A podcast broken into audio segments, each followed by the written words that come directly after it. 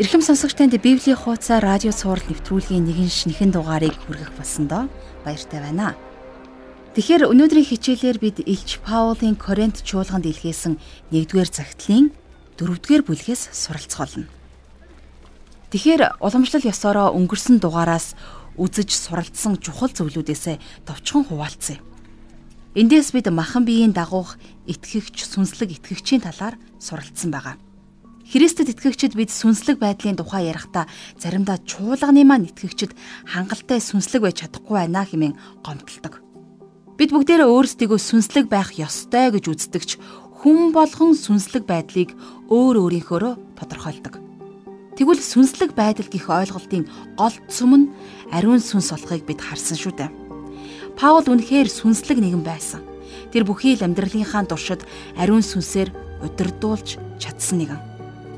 Өнөөгийн цагт итгэгчид бидж гисэн дахин төрж Христтэй нэгдснээр сүнслэг алхаа маань эхэлсэн.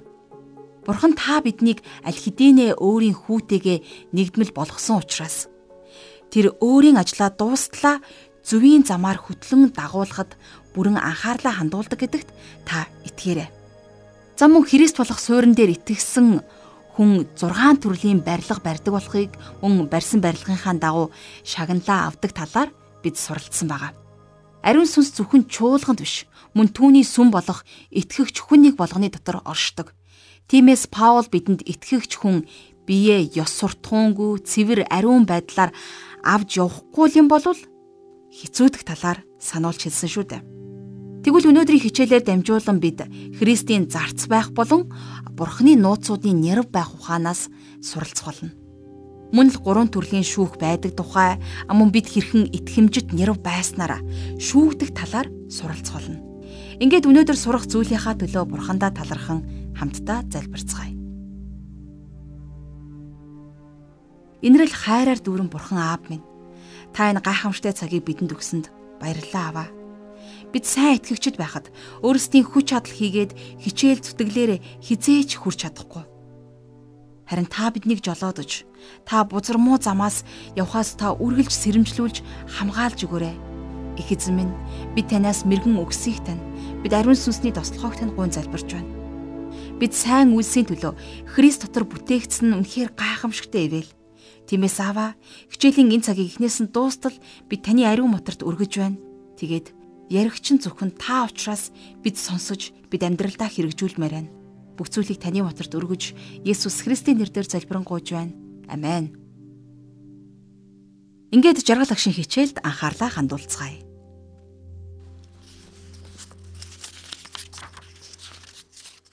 За өнөөдөр хамтдаа 1-р Коринт номынхон 4-р бүлгийг дэлгээд судалцгаая. Тэгэхээр 1-р Коринт номын 4-р бүлэг болвол Паулийн Коринт чуулганд байсан хагарал хуваагдлын сүнстэй тэмцэж байгаа хамгийн сүүлийн бүлэг. За энэ бүлэг дээр Паул Христийн үйлчлэгч нарын нөхцөл байдлын талаар нэлээд түлхүү ярьдаг. За энэ хүү нөхцөл байдал нь христчин зам байдлыг шаардсан байна. За тиймээс бид нэр өнөөдөр Есүсийн зан чанар ариун шудраг байдлаас хамтдаа суралцах болно. Ингээд 1-р Коринт номынхон 4-р бүлгийн 1-р эшлэлийг уншийе. Бидний Христийн зарцнаар бөгөөд Бурхны нууцын нярвууд гэж тооц. За энэ гайхалтай ишлэл дээр төр зогсоод дахин нэг харцгаая гэж бодож байна. Тэгэхээр та бид нар бүгдээрээ Христийн зарц нар юм. Итгэгч хүн болгон Христийн зарц байдаг. Заримдаа цуглааны гişүүд Есүс миний зарц гэж ярих гад байдаг тийм ээ. Тэгэхээр тэр хүн ч гэсэн Христийн зарц. Яагаад үг гэхээр тэр хүн Христийн өмнө үүрэг хариуцлага хүлээсэн хүн.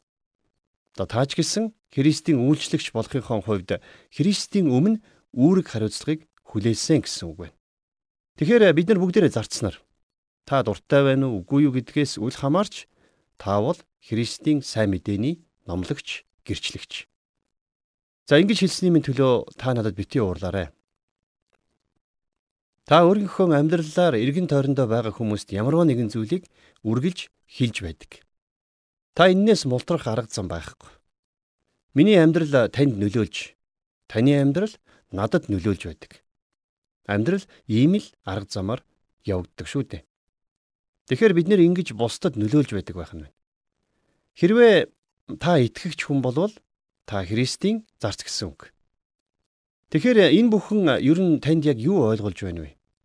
Христийн зарц гэдэг хүн болвол Бурхны нууцын нярав гэсэн үг байна тийм ээ. Нэгдүгээр ишлэлээр байсан.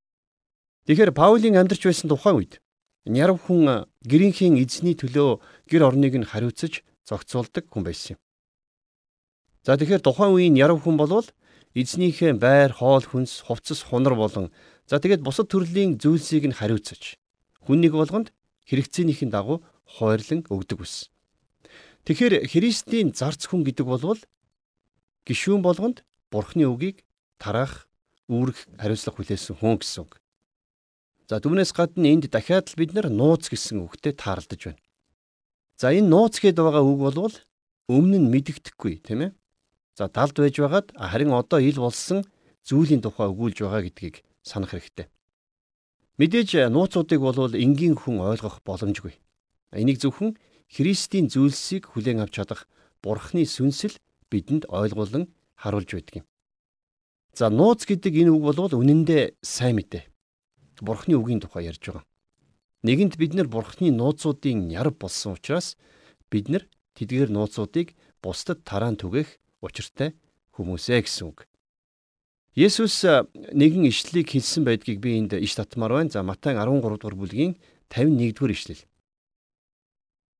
Есүс тэдэнд та нар энэ бүхнийг ойлгов гэхэд тэд түүн тийм ээ гэсэн байна. Тэ мэ? Тэгэхээр Есүсийн хэлсэн үгийг тухайн үед тэд нэр ойлгоогүй байсан гэж би хувьдаа боддог. А Есүс тэднийг ойлгосон ойлгоогүй талаар хэлээгөө. Харин Есүс үргэлжлүүлээд тэднэрт 52 дугаар эшлэлдэр Иймээс Тэнгэрийн хаанчлалын шав болсон хуулийн багш бүхэн Эрдэнэсийн сангаас шин болон хуучныг гаргах өрхийн тэргүүлэгчтэй адил юмаа гэж хэлсэн байна. За тэгэхээр Бурхны үгийг шин хуучнаар нь ялгаж илэрхий болгох бол Бурхны нууцуудын нярвын хийх ажил байх нь тийм ээ. Хүмүүс заримдаа Библи судлал эсвэл номлолын дараагаар энэ үг хуучин үг байна уу? би өмнө нь яг ийм номлол сонсч байсан гэж ярьдаг. Харин энэ ярианы хариуд нь би юу гэж хэлмээр байна уу гэхээр альва зүйлсийг шин хуучнаар нь илэрхий болгох нярвын үүргийг та биднэр хүлээж авсан. Өнөөдөр бид нэр тэр зүйлсээс цөөхөн хэдийг нь хуучин гэдгийг илчилж харуулсан. Харин шин хуучнаар нь ялгаж илэрхий болгох бол та бидний ажил шүү дээ гэж хариулмаар байна. За энэ бол Бурхны нууцуудын ярмын дуудлага эннээс илүү дуудлагын талаар бол би мэдэхгүй байна уу. За ингээд 2 дугаар ишлэл дээр мөн итгэмжид байхыг нярвуудаас шаарддаг гэсэн байна. За тэгэхээр нярв хүн итгэмжтэй болохын тулд уран үхтэй эсвэл олон авиас бэлэгтэй байх шаардлагагүй гэдгийг та энд анхаараарай. Хизээ нэгэн өдөр маш олон хүн шагнуулах болно. А гэхдээ тэд нэр агуу зүйлс хийснийхээ төлөө биш харин хийж байгаа зүйлстэй итгэмжтэй байсныхаа төлөө эдгээр шагналыг авах юм. За үргэлжлүүлээд 4-р бүлгийнхээ 3-аас 4-р ишлэлийг хамтдаа уншъя. Та нараар эсвэл хүний шүүхээр шүүлэг гэх нь миний хувьд тун ялахгүй зүйл. Би өөрөө ч гэсэн өөрийгөө шүүдэггүй. Өөрийнхөө эсрэг мэдэх юм надад байхгүй ч үүгээрээ би зөвтгөгдсөн юм биш харин намайг шүүгч нь эзэн мөн гэж Паул үргэлжлүүлэн бичсэн баг. За энэ хоёр ишлэл гурван төрлийн шүүхийн тухай бидэнд тайлбарлан харуулж байна. За магадгүй танд энэ нилээд адармаатай хэцүү ишлэл юм шиг санагдаж болох юм. А гэхдээ үнэн дээр тийм биш. Би их энгийнээр тайлбарлая.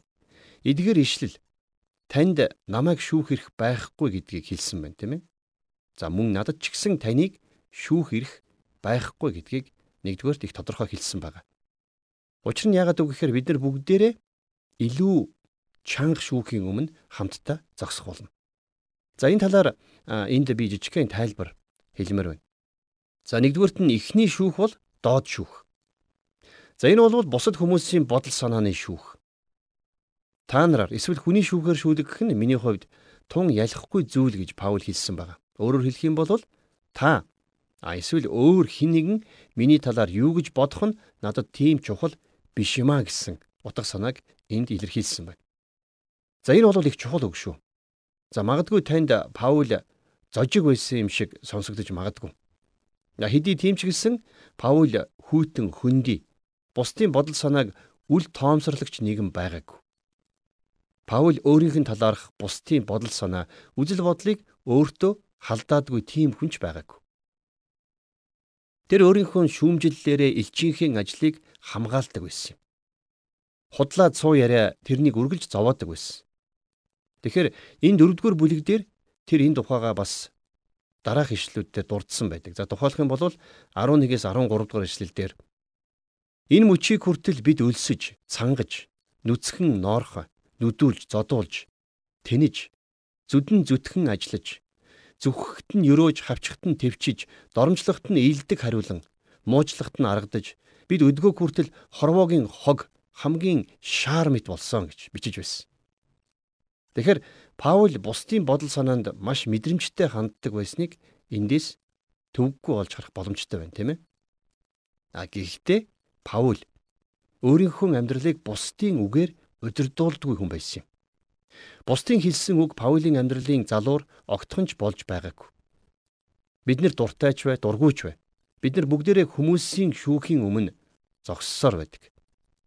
Мэдээж энэ зүйлсээс бол бид нэр зайлсхийх боломжгүй тийм ээ. А хэдийгээр Паул бусдын бодол санаанд маш мэдрэмжтэй ханддаг байсан ч гэсэн тэдний бодол санаа Паулийн амьдралыг удирддаггүй байсан гэдгийг ойлгоорой. Ягд үг гэхээр та нараар эсвэл хүний шүүхээр шүүлэгэх нь миний хувьд тун ялахгүй зүйл юм а гэж тэр хэлсэн байдаг. Монголчууд бид нэр хүмүүсийн хил амны тухай их ярьдаг тийм ээ. Тэгэхээр бид нэр хүмүүсийн хил амаар өөрийнхөө амьдралыг удирдуулах биш. Харин бид нэр Христ дээр хинбэ гэдгээрээ өөрсдийнхөө амьдралыг удирдуулах нь зөв байх нь байна. Хил амнаас бити айгаарай. За хоёр дахь шүүх бол дээд шүүх. За энэ шүүх бол хүний өөрийн дотоод сэтгэлийн буюу ухамсарын шүүх. Паул энд би өөрөө ч гэсэн өөрийгөө шүүдгвэ гэдэг үгээр энийг илэрхийлж байна. За тэгэхээр нэг асуулт гарч ирж байна. Юу вэ гэхлээр хүний дотоод сэтгэл гэдэг аюулгүй хөтөч мөн үү гэж тийм ээ. Хэрвээ та тийм гэж хариулж байгаа бол та Паулийн хэлсэн үгтэй санаа нийлэхгүй байна гэсэн үг. Паул хизээч дотоод сэтгэлийг өөрийн тохирох аюулгүй хөтөч гэж үзээгүй. Яагаад үг гэхээр итгэгч хүн болгон ариун сүнсээр удирдуулж байх учиртай. Та бид нар хамтдаа Эхлэл номноос дотоод сэтгэлийн талаар аль хэдийнэ суралцсагаас. За тэгээд Эхлэл номын нэгэн мөчлөг үерийн шүүлтээр төгсдгийг та санаж байна уу? Итгэгчид тэр дотоод сэтгэлийг харуулan гэрэлтэж байх учиртай. Хэрвээ дотоод сэтгэл биднэрт бурууг минь хилж өгвөл бид нэр тэр бүхнийг дуулууртай хүлээж авч сурах хэрэгтэй. За бас дотоод сэтгэл маань амар хялбар арга замуудыг хөхүүлэн дэмжиж За тэгээд бидний бардам зан аминч үзлийг илчлэн бидэнд цаасан малгай өмсөж чадна гэдгийг бас санах хэрэгтэй. Тиймээс бид нар болгоомжтой байх хэрэгтэй гэсэн үг. Яагаад үг гэхээр та бид нар бүгдээрээ өөрийнхөө дотоод сэтгэлийн шүүхийн өмнө эсвэл зогсно эсвэл унана. Шудраг хүн бусдын бодлоор биш харин зөв гэж бодсон зүйлээ л хийдэг. Паул энэ тухай хэлэхдээ өөрийнхөө эсрэг мэдэх юм надад байхгүй ч үүгээрээ би бурхны өмнө зөвтөддгөө гэдгээрээ илэрхийлэн хэлсэн байна. За энэ юу гэсэн утгатай вэ гэхээр Паул өөрийнхөө талаар сайн мэдэх юм байгаагүй гэдгээ хүлээн зөвшөөрч байна. А гисэн ч тэр энүүгээрээ бурхны өмнө зөвтгөгдөхгүй гэдгээ бас мэдэж байсан юм. За энийг харьцуулаад бодох юм бол Паул өөрийнхөө талаар юу ч мэдэхгүй гэхдээ тэр нь бурхны өмнө тодорхой биш хിവэр гэсэн үг юм аа. За ийм асуудал Давид ч гэсэн тулгарч байсан. Тэр бусдаас буруу муу зүйлийг харж чаддаг ч гэсэн өөрөөсөө энэ бүхнээ олж харж чаддгүй байсан. Тэгэхээр таны хувьд яг ямар вэ? Бусад хүмүүс цөхрөлтгүйгээр өөрсдийн үзэл бодлоо ярихад бид нар тэднийг хил хамтаа гэцгээдэг. Харин бид нар өөрсдөө тийм хандлага гаргах үедээ өөрсдийгөө эр зөргө харуулж байна гэж боддог. За бусад хүмүүс хагарл асуудал үүсгэж байдаг бол харин бид нар зөвийн төлөө зогсож байдаг. Хүмүүс бурхантай харилцах харилцаагаа орхих үедээ тэд нэр өөрсдийнхөө итгэл үнэмшлээс ургаж бурхны өмнө нүгэл үлдэж байдаг. Та бид нар үргэлж өөрсдийгөө гол дүрд тоглоулах дуртай байдаг шүү дээ. Тэгээд энийг гажуудуулж орхидог. Тэгэхээр бид өөрсдийнхөө өмнө зогсдгүй. Эсвэл ундаггүй гэсэн үг. Бурхан энхүү хоёр дахь шүүхэлт буюу бидний дотоод сэтгэлийн шийдвэрийг эргүүлэх чадaltaй юм аа. За бидний бас тулах ёстой гурав дахь шүүх гэж байгаа. За тэрхүү шүүгчийн шүүгч нь бол эзэн бурхан өөрөө юм. Тэр ганц эзэн бурхан бол тэрхүү дээд шүүх. За энэ бол байма буюу Христийн шүүхийн судал. Паул өөрийгөө хизээ нэгэн өдөр Христийн шүүхийн суудлын өмнө очиж зогсноо гэдгээ хэлж байна. Тэгэхээр та бид нар ялгаагүй хүн нэг болгон нэгэн өдөр тэрхүү шүүхийн суудлын өмнө зогсох болно. За Паул энэ талаар нилээд дэлгэрэнгүйгээр 2 дугаар Коринт номын 5 дугаар бүлэг дээр бас ярьсан байдаг. Тэгэхээр тэнд яг юу шүүх юм бэ гэж та асууж байгаа. За энэ Христийн шүүлтийн суудлын өмнө бол бид нэр гим нүглийнхээ төлөө шүүгдэхгүй. Яагаад үг гэхээр дуулал номын 103 дугаар дуулалын 12 дугаар ишлэлээр хэлсэнчлэн Бурхан итгэгчдийн гим нүглийг өрнөн дорноос хол байдгийн адил таягдан хайсан гэж байна. Тэгэхээр бидний гим нүгэл Есүс Христийн цусаар хучигдсан учраас Бурхан тэдгэрийг дахиж дурсан санахгүй гэдг нь тодорхой. Итгэгч хүн нярвын ажлаа хэрхэн хийснээрээ харин Христийн шүүхийн өмнө шүүгдэх болно. За бидний бие, бидний эд зүйлсийн их үүсвэрүүд, бидний өглөг, та бидний нүдэнд харагдах бүх бодит эд хөрөнгүүд бидний шүүгдэх субъектууд болох нь. Тийм учраас итгэмжид нярв байна гэдэг бол их чухал хариуцлага гэдгийг та одоо ойлгож авсан баха. Энэ бүхний эцэст ер нь бид нэр юу ч эзэмшдэггүй шүү дээ. За өмнөх хичээл дээрээс бид нар бидэнд байгаа бүх зүйл Христийнх. Бид нар ч гэсэн өөрсдөө түүнийх гэдгийг бид нар сурч мэдсэн. За тийм учраас бид нар Христтэй нөхөрлөж байдаг. За бас дээрэс нь 3 дугаар бүлгийн сүүл хэсэг дээр бүх зүйлс бидэнтэй хамаатай гэдэг талаар хамтдаа суралцсан байгаа. За Паулч биднийх, Аполч биднийх. Тэр байтугай нэрт номлогч, үйлчлэгч, пасторууд болох Джон Калвин, Джон Уэсли, Мартин Лютер ч гэсэн биднийх. Ер нь энэ дэлхий бүхэлдээ биднийх. Та бид нар энэ дэлхий дээр байгаа гоо үзэгслэн уул ус, модод, далаа тэнгисийг харан баясаж болно. За бас амьдралыг ч гэсэн. Бид нар мэдээж өнөөдөр өвчмээргүй байна л да. Та ч гэсэн тэгж бодож байгаа. А тэгвэл үхэлж хүртэл биднийх. Тийм ээ, үхэлж таних.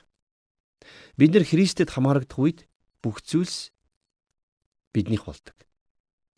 Энэнд одоо болон ирээдүйн зүйлс ч гэсэн орно. За бас бид нар бол Христийн бидэнд хариуцуулан өгсөн тэдгээр зүйлсийн нярвууд гэдгээ сайн ойлгох хэрэгтэй. За цааш нь үргэлжлүүлээ 4-р бүлгийнхээ 5-р ишлэгийг уншийе. Иймд цагаас өмнө эзний гертэл юугч бүү шүүхтэн. Эзэн харанхуйд нуугдсан юмсыг гэрэлд гаргах бөгөөд зүрхний санааг илрүүлнэ. Тэгэд бурхнаас хүмүүрт магтаал ирэх болноо. Хамгийн дээд шүүгч бол эзэн бурхан өөрөө юм. Хэрвээ бид нар хин нэгнийг шүүх юм бол эзний суух ёстой тэрхүү суудал дээр суух гээд байна гэсэн үг. За тийм учраас бид нар бусдыг доромжлон эсвэл хариу шүүмжлэн тэмцэх хэрэггүй. Бурхан өөрөө хамгийн шударгаар шүүх учраас тэр бүх зүйлсийг мэдэж байдаг.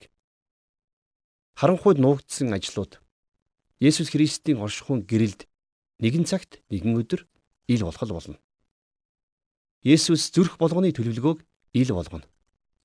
Тиймээс та бид нэр хэрхэн амьдарч байгаагаа шалгаж болгоомжтой алхах хэрэгтэй. За одоо бас нэгэн гайхалтай ишлэлийг үргэлжлүүлээд хамтдаа харцгаая. Тэгээд бурхнаас хүн болгонд магтаал ирэх болно гэсэн байсан тийм ээ. Тэгэхээр бурхны хүн бүрээс магтан сайшаах ямарваа нэгэн зүйлийг Есүс олж чадна гэдэгт би итгэдэг. Илчлэлт номон дээр гардаг Азийн долоон чуулганы Лаудиг чуулганаас бусад чуулганыг Бурхан өөрөө магтан сайшаасан байдаг. Хэдийгээр тэдгээр чуулгануудад гим нүгэлтэй буруутай зүйлсүүд байсан ч гэсэн Есүс тэдний сайшаалтай зүйлсийг магтан сайшаасан байна. Тиймээс Есүс хүн нэг болгонд ижил тэнцүү нэгүүлслээ буулгадаг юмаа гэж би итгэдэг. Хэдэн жилийн өмнө нэгэн чуулганд хүн болгонд үргэлж сайхан үг хэлж байдаг бяцхан охин байсан байна. За ялангуяа тэр охин номлогч нарт маш сайхан үг хэлдэг байсан. Нэгэн өдөр тэдний цуглаанд ирсэн номлогч өмнө нь сонсож байгаагүй маш уйтгартай номлолыг хийсэн гинэ. За тэгээд өнөөх бяцхан охин юу гэж хэлэх болоо гэж цуглааных нь бодож байсан. Тэгээд тэд нар тэрнийг тэр номлогч дээр очиход анхааралтай чих тавин сонсцгоосон байна. Бяцхан тэр охин номлогчийн өмнө очиод "Номлогчоо, та өнөөдөр маш гайхалтай үг дамжууллаа" гэж хэлсэн байна. Тэгэхээр та бидний эзэн бидний хүнийг болгоноос ямар нэгэн магтууштай, ямарваа нэгэн эерэг зүйлийг олж харах болно гэдэгт итгээрэй. За цааш нь 6 дугаар ишлэл дээр ах トゥ нараа би эдгээрийг та нарын төлөө өөртөө болон Аполд хэрэгжүүлсэн нь та нар бичигдснээс хитрхгүй байхыг биднээс суралцаасаа гэснийх юм. Тэгвэл та нар нэгийнхээ өмнөөс нөгөөгийнхөө эсрэг ихэрхэхгүй. За хамтдаа Коринт чуулганд байсан асуудлуудын нэг нь хагарл байсан гэдгийг санацгаая. Паул энийг тэднэрт тайлбарлан өгч байна. За Паул Апол хоёр бол найзууд байсан. Тэд нар хоёулаа Христийг за Христ бас тэднийх байсан гэсэн. Тэр хоёр хоёулаа өөрсөддөө өгөгдсөн бэлэг авьяасынхаа дагуу ажиллан үйлчилж байсан тийм ээ. За үргэлжлүүлээ 7 дугаар ишлэл дээр үнэн дээр хин чамааг илүү гэв. Чи байгаагаа хүлээж аваагүй гэж юу? Үнэхээр хүлээж авсан бол аваагүй юм шиг чи юунд сайрах нь вэ? Сонсогч танд ямарваа нэгэн бэлэг авьяас байгаа юу? За танд магадгүй маш гайхалтай бэлэг авьяас байгаа. А гэхдээ танд тэр бэлэг авьяасынхаа төлөө сайрхах зүйл байхгүй гэсэн үг. Яагаад гэвэл тэрхүү бэлэг авьяасыг та өөрийнхөө эрийн сайнд авсан биш. Харин Бурхан танд тэр бэлэг авьяасыг бэлэглэн өгсөн. Та бэлэг авьяасаа өөрөө бүтээдгүй. Бид өөрсдийнхөө бэлэг авьяасын төлөө харин бурханд талархаж байх учиртай. За 8-9 дугаар эшлэлдэр Паул үргэлжлүүлээд ингэж бичсэн байна. Та нар хэдийнэ бялхсан бөгөөд баян болжээ. Та нар бидэнгүүгээр хаад болж та нар үнэхээр хаад болсон байгаасаа гэж би хичнээн их хүснэ. Тэгвэл бид ч та нартай хаанчлан шүү дээ. Учир нь илч биднийг бурхан үхэх ял ногдогсод мэт бүхний адаг болгосон гэж би боддог. Юу гэвээс бид ертөнцид Тэнгэр элч нарт ч хүмүүст ч үзвэр болжээ. За тэгэхээр тэр үеийн зовлонт чуулганы элч нар энэ дэлхийн өмнө үзвэр нь болж байсан байна. За ганцхан энэ дэлхийн ч биш бас Тэнгэр элч нарын болон хүмүүсийн өмнө үзвэр болж байсан гэж Паул хэлсэн. За өнөөдөр ч гэсэн бид нар энэтэй холбоотой. Хүмүүс ажиллаж харин бид нар тэдний ажил хөдөлмөрт оролцож байгаа хэрэг байна. За Паул өөрийнхөө амьдралд ямар хатуу хөтүү замыг туулж байсан тухайга хэрхэн өгүүлсэнийг хамтдаа 4-р бүлгийнхээ 10-аас 13 дугаар ишлэлээс харъя. Бид Христийн төлөө мулгуу аж. Харин та нар Христ дотор ухаалаг аж. Бид мөхс харин та нар хүчтэй. Та нар алдар хүндтэй. Харин бид нэр хүндгүй. Энэ мөчийг хүртэл бид өлсөж, цангаж, нүцгэн, ноорхо, нүдүүлж, зодуулж тэнэж зүдэн зүтгэн ажиллаж зүгхт нь өрөөж хавчхт нь твчиж доромжлогт нь ээлдэг хариулан муужлахт нь аргадаж бид өдгөө хүртэл хорвоогийн хог хамгийн шаармит болсон гэж Паул бичсэн байна. Сайн мэдээ тараахын тулд Паул хэрхэн зовж байсныг та бид нар үнэндээ төсөөлж чадахгүй. Тэр бага Азад сайн мэдээ тараасан. Юудэч вэ, харь үндэстэн ч вэ? Азийн нутаг дэвсгэр дээр байгаа хүннийг болгон Бурхны үгийг сонссон гэдгийг үгээр дамжуулан Паул бидэнд хэлсэн байна. Үргэлжлүүлээд 14-өөс 15 дугаар эшлэлдэр би та нарыг ичээхийн тулд бус. Харин өөрийн хайр хүүхдүүдийн хувьд та нарт сануулахын тулд үүнийг бичлээ.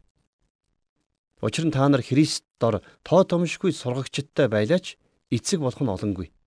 Учир нь би Христ Есүс дор сайн мэдээгээр та нарыг төрүүлсэн гэсэн байна. Паул тэднийг Христ рүү удирдсан илгээлтийн эзэн хүн байсан. Таныг Христ рүү чиглүүлсэн хин нэгэн сүнсний эцэгтэй байна гэдэг бол үнэхээр гайхалтай. Тааж гисэн хин нэгний сүнсний эцэг болох боломжтой гэсэн үг байна, тийм ээ.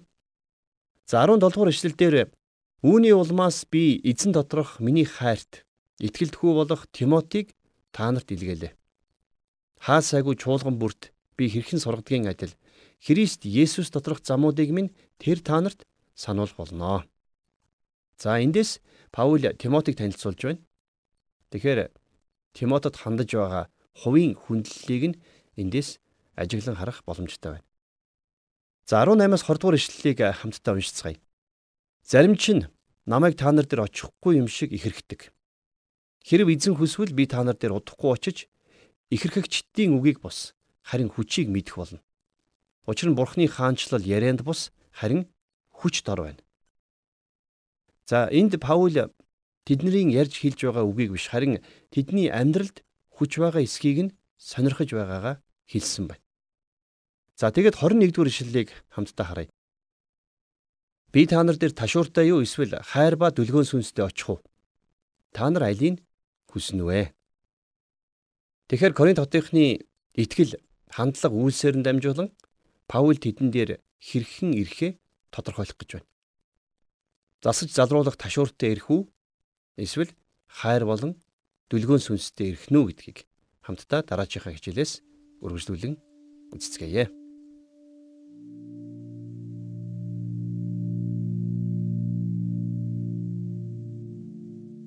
Тэгэхээр жаргал агш маань өнөөдрийн хичээлээр дамжуулан бидэнд Христийн зарц гэж хэнийг хэлэх, амун итгэмжит нярав хүн гэж ямар байх талаар ятхан сургалаа. Миний хувьд итгэгч хүмүүст хамгийн сайн ойлгож авах ёстой чухам нэг л зүйл бол тэр гурван төрлийн шүүхийн тухай байсан. Учир нь эдгээрээс хамгийн чухал нь олох дээд шүүхийн өмнө бид зогсох болно. Тэн зогсохдоо хэрхэн итгэмжит нярав байсан талаараа шүүхтг нь гарцаагүй Учир нь бүх зүйл бурхны учраас бид түүний эзэмшлийн нэрвууд юм. Тиймээс л нэрвуудаасаа итгэмжтэй байхыг бурхан маань шаардах нь зүй ёсны хэрэг. Тэрээр өөрийн зарц нарт чадварынхан дагуу талантуудыг хуваарлан өгтөө. Мөнгийг нь өөртөө хэрэгэл гэж өгөөг нь ойлгомжтой. Бурхан хадгалуулсан мөнгөнд нь итгэмжтэй бөгөөд нервын сайн үүрэг гүйцэтгсэн зарцуудаа сайшаа магтаж илүүг даатхан хариуцуулсан бол итгэмжгүй хандсан нэгнийг нь муу залхуу бол гэж харанхуу руу хөөсөн байдаг. Тэгэхээр та бид эзний даатгаж өгсөн эд хөрөнгөнд итгэмжтэй байж тэдгээр зүйлсийг зөв захиран зарцуулах үүрэгтэй хүмүүс. Хожим түүний өмнө зогсож хэрхэн ашигласнаа тайлгнах л болно. Бидний оюун ухаан, бидний зүрх сэтгэлээс гадна эд хөрөнгөнд хандах хандлага маань өөрчлөгдөх ёстой. Бид мөнгө болон бурханд зэрэг үйлчилж чадахгүй. Харин бурханы өгсөн мөнгөөр бид түүнд үйлчлэх үүрэгтэй хүмүүс. Та өөрийгөө хэр өгөөмөр байгаагаа шалгаад нэг үзээрэй. Ингээд өнөөдөр сурсан гайхамшигтай үгийнхээ төлөө бурхандаа талархан хамтдаа залбирая. Тэнгэрлэг бурхан аав минь таны мэрэгэн ухаан таны гайхамшигтай үгийн төлөө талархаж байна. Өнөөдрийн хичээлээр дамжуулан та бидэнд өөрийн гайхамшигтай үгийг ойлгуулж мэдүүлж байгаад баярлалаа аваа. Таны үгийн дагуу амьдрч, таны итгэмжид зарц байх, нэрв байх нь үнэхээр гайхамшигтай эрхэм үүрэг даалгавар юм а гэдгийг бидэнд ойлгуулж өгсөнд баярлалаа аваа. Эзэн минь ээ өдөр болгон энэ л ойлгосон ухамсараараа энэ л ойлгож авсан мэрэгэн ухаанаараа бид амьдралаа удирдуулж жолоодуулахад ариун сүнс минь та бидэнтэй хамт байгаарай. Таны шүүхийн суудлын өмнө зогсох тэр нэгэн өдөр бид таны өмнө итгэмжид сайн яруу гэж магтуулахыг хүсэж байна бүхий л амьдралын минь туршид та удирдах, та жолоод орой. Бүхнээ танд даатгаж Есүс Христийн нэрээр залбирanгуйж байна. Амен.